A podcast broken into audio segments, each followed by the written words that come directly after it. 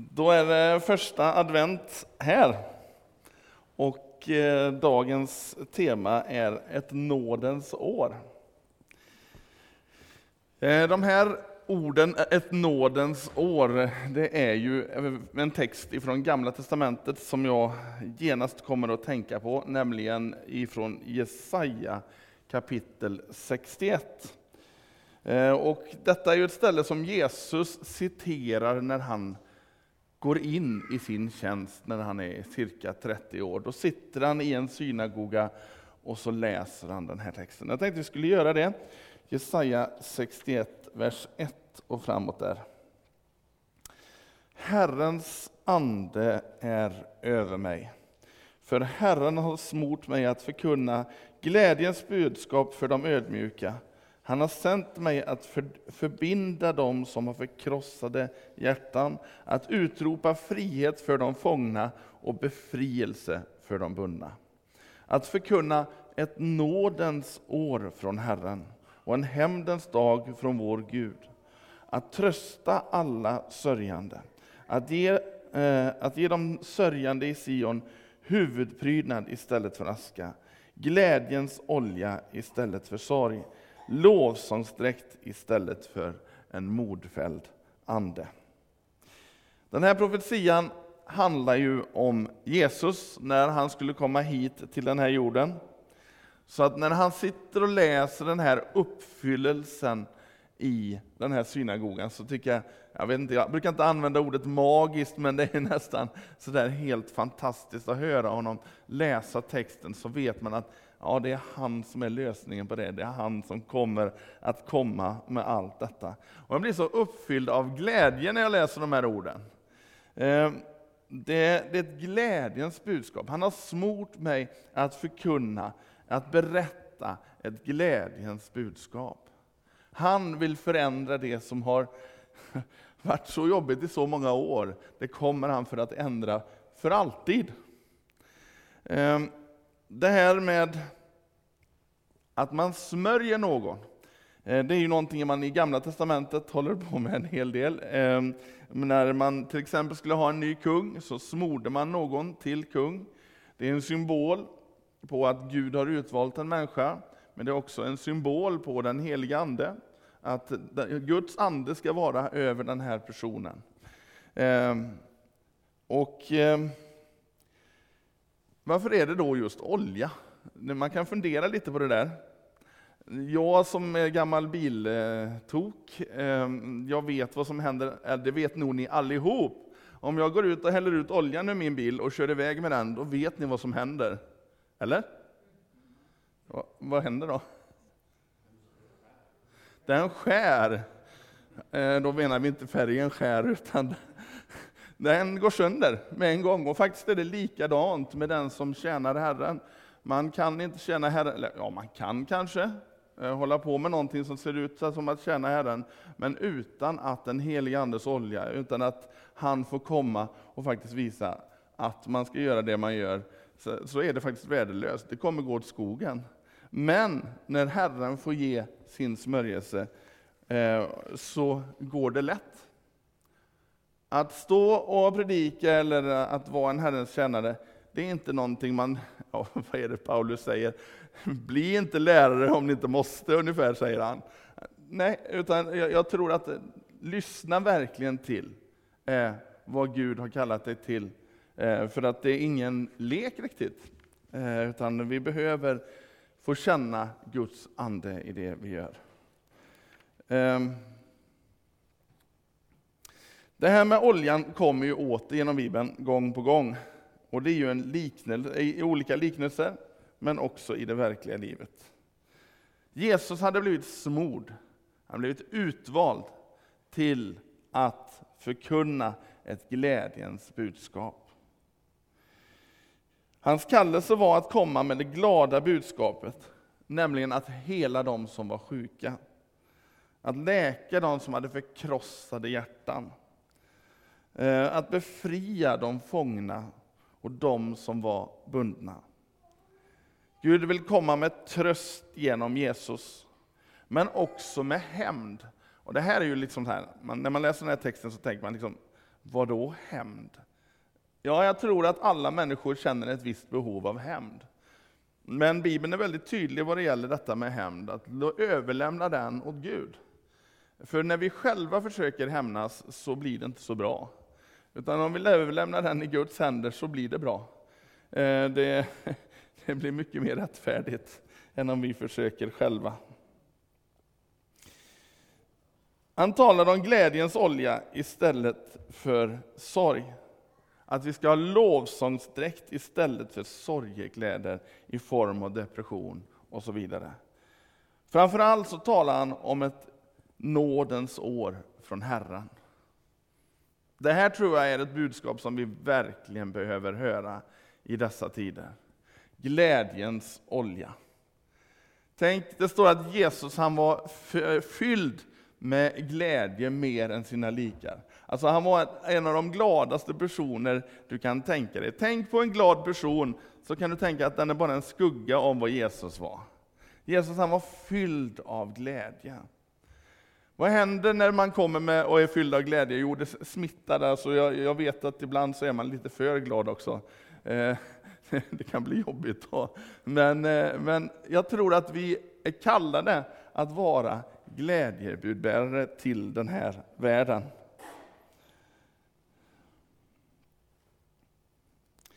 Och vad kan vara mer glädjande än att Gud vill ge oss nåd för även detta år som ligger framför. Nu börjar ju kyrkoåret ehm, och snart börjar vårt nya år.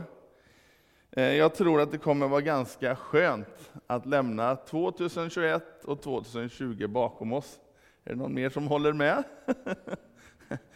Kanske har du varit med om eh, ganska jobbiga dagar. Eh, jag har personligen många vänner som har dött under de här åren i, på grund av det här böset från bort i bakom. Eh, och det är inte så roligt. Eh, och vi har säkert varit drabbade allihop av det, mer eller mindre. Eh, men att veta det, att Herren vill vara med oss även om, oavsett vad vi har varit med om, oavsett vad som ligger framför, så vill han ge oss nåd för varje dag, varje ny dag. Nåd är väl något av det mest fantastiska man kan få uppleva. Vad är då nåd? Ja, jo, det är att bli förlåten någonting som man inte förtjänar att bli förlåten för. Jag har fått uppleva väldigt mycket nåd. Jag minns så många gånger när man var liten och fick uppleva nåd faktiskt. Fast man var alldeles för busig och alldeles för, hittade på alldeles för mycket dumt. Och så fick man nåd ändå. Den där känslan att få bli förlåten. Jag hoppas verkligen att du har fått känna den. Att få känna hur det liksom släpper i hela kroppen, att man känner att ja, jag är faktiskt förlåten trots att jag har gjort fel.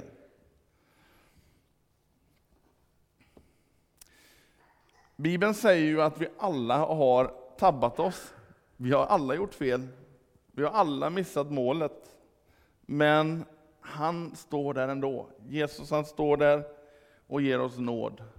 Gratis, fritt och för intet. Det kostar inte en enda krona. Kan det då vara på riktigt när det är gratis? Frågar folk.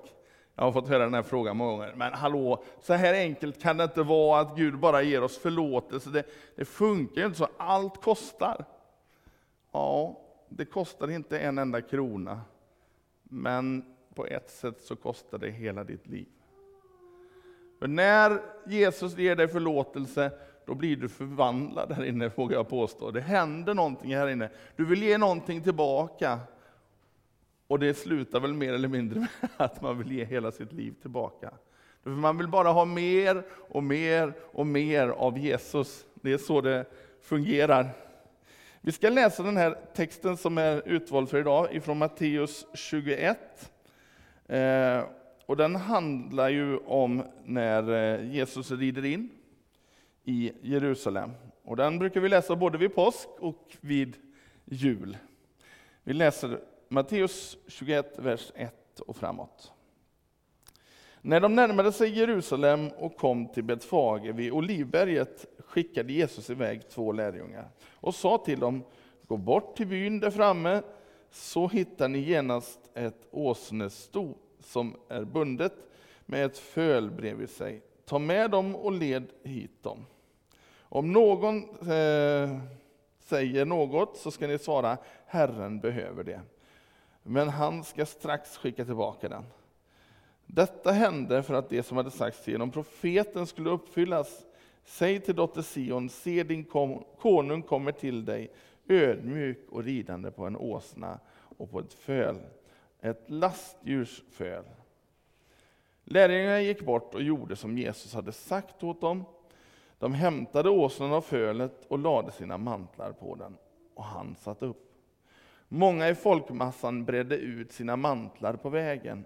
De skar kvistar från träden och strödde dem på vägen. Och folket, både de som gick före och de som följde efter, ropade Hosianna, Davids son. Välsignad är han som kommer i Herrens namn. Hosianna i höjden.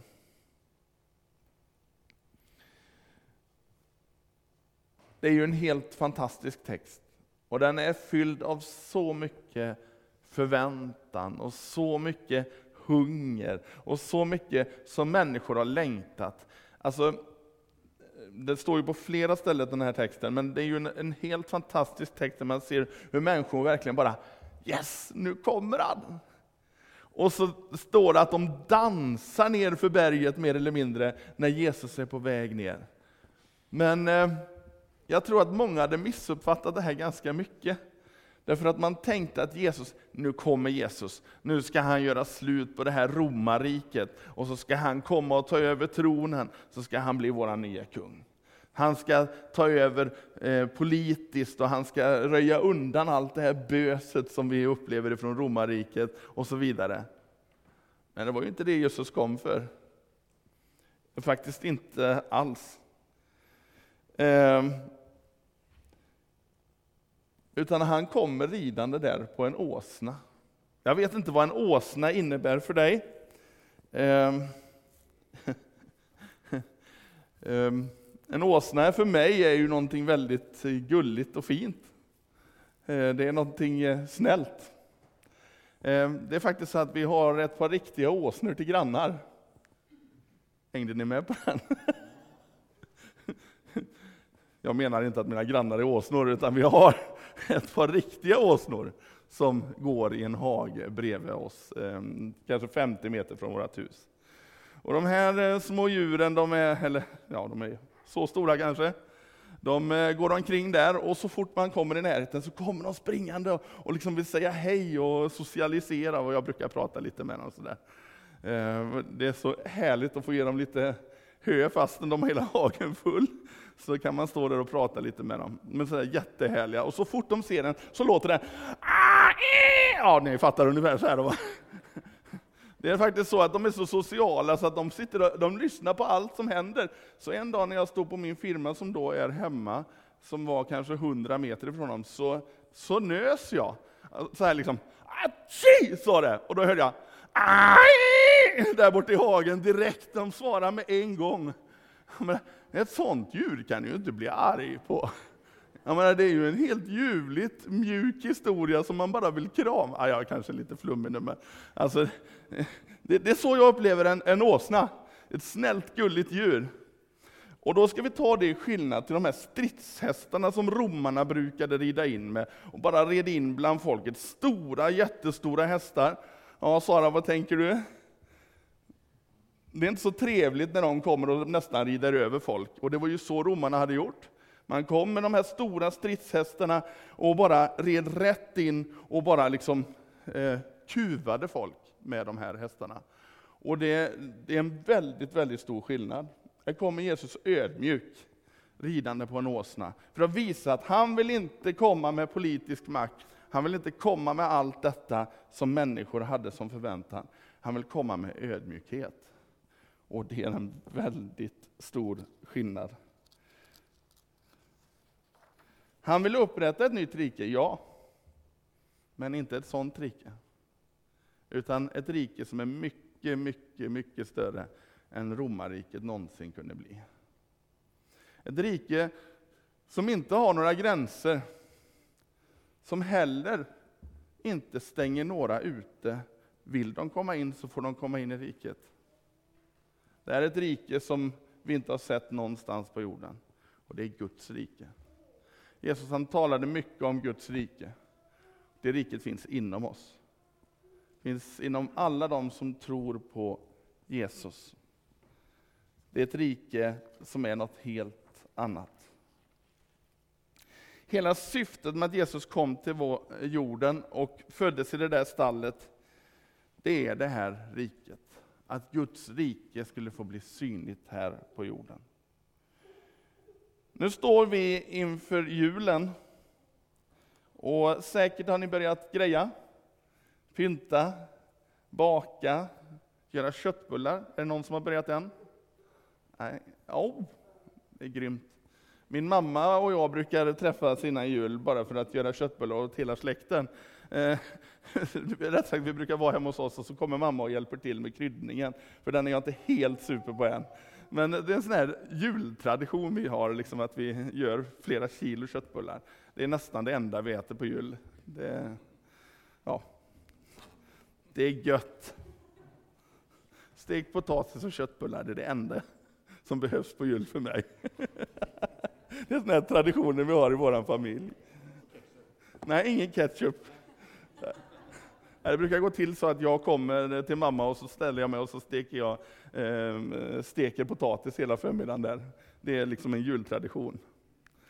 Ja. Nog om det.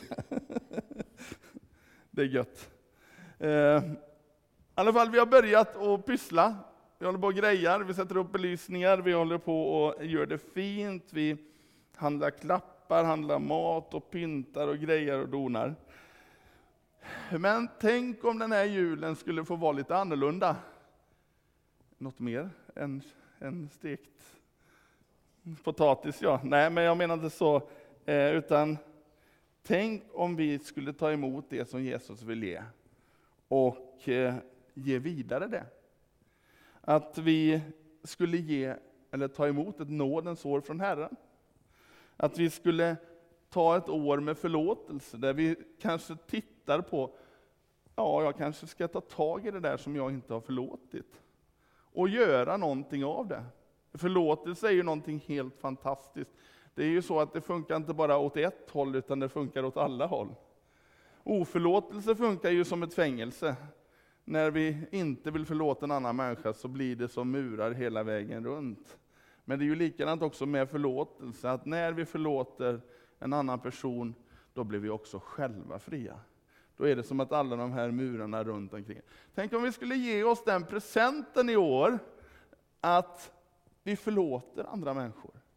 Att vi tittar, att vi tar på oss Jesu glasögon och börjar titta på andra människor. Det är väldigt lätt att tänka, jag märker det överallt, att man är väldigt snabb till att bedöma andra människor i dessa dagar. Man sätter in människor i politiska fack, man sätter in människor i eh, sån är den, sån är den, sån är den, sån är den. Men tänk om vi skulle ta på Jesu glasögon och se på varandra. Och se på varandra med nåd. Tänk, jag fick nåd, då kan den också få nåd. Tänk, jag har blivit förlåten det här. Det här skulle jag aldrig kunna bli av med annars. Men han har förlåtit mig det. Han kan förlåta den människan också.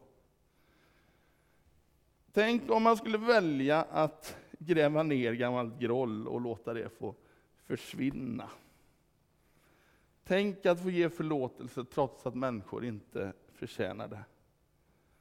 Ett nådens år där den största gåvan av allt är Jesus Kristus. Att få ge honom vidare, att släppa in honom i våra liv ännu mer skulle jag vilja säga. Många gånger är det så att vi säger, ja jag tar emot Jesus, och sen kanske vi låter det vara där. Men tänk att få bli ännu mer fylld av Jesus. Av hans glädje, av hans frid, av hans kärlek, av allt det som Jesus ger. Jag önskar inget annat än att människor ska kunna se Jesus var jag än är. Att jag inte kanske behöver prata så hiskligt många ord, utan människor får se att ja, Jesus bor i den där killen. Det är min önskan. Låt mig få avsluta predikan idag med att läsa en text ifrån Uppenbarelseboken som handlar om just detta. Om Jesus står och knackar på våra hjärtan. Det står så här i Uppenbarelseboken 3, vers 20-22. Se, jag står vid dörren och bultar. Om någon hör min röst och öppnar dörren skall jag gå in till honom och äta med honom och han med mig. Den som segrar ska jag låta sitta hos mig på min tron, liksom jag, eh, jag har segrat och sitter hos min fader på hans tron. Du som har öron, hör vad Anden säger till församlingarna. Amen. Tack Herre för att du vill vara med oss allihop som sitter här inne. Herre, du vet vad vi har varit med om under de här senaste åren. Herre. Du vet att det har varit väldigt tufft för många. Herre. Men Herre, tack för att du vill komma med din glädje, med din frid, Herre. Tack att du vill komma och fylla oss med allt det där som du har att ge, Herre. Hjälp oss också att ta emot din förlåtelse, men också att ge den vidare, Gud. Tack för att vi får ta emot den största av alla gåvor, dig Jesus Kristus. Amen.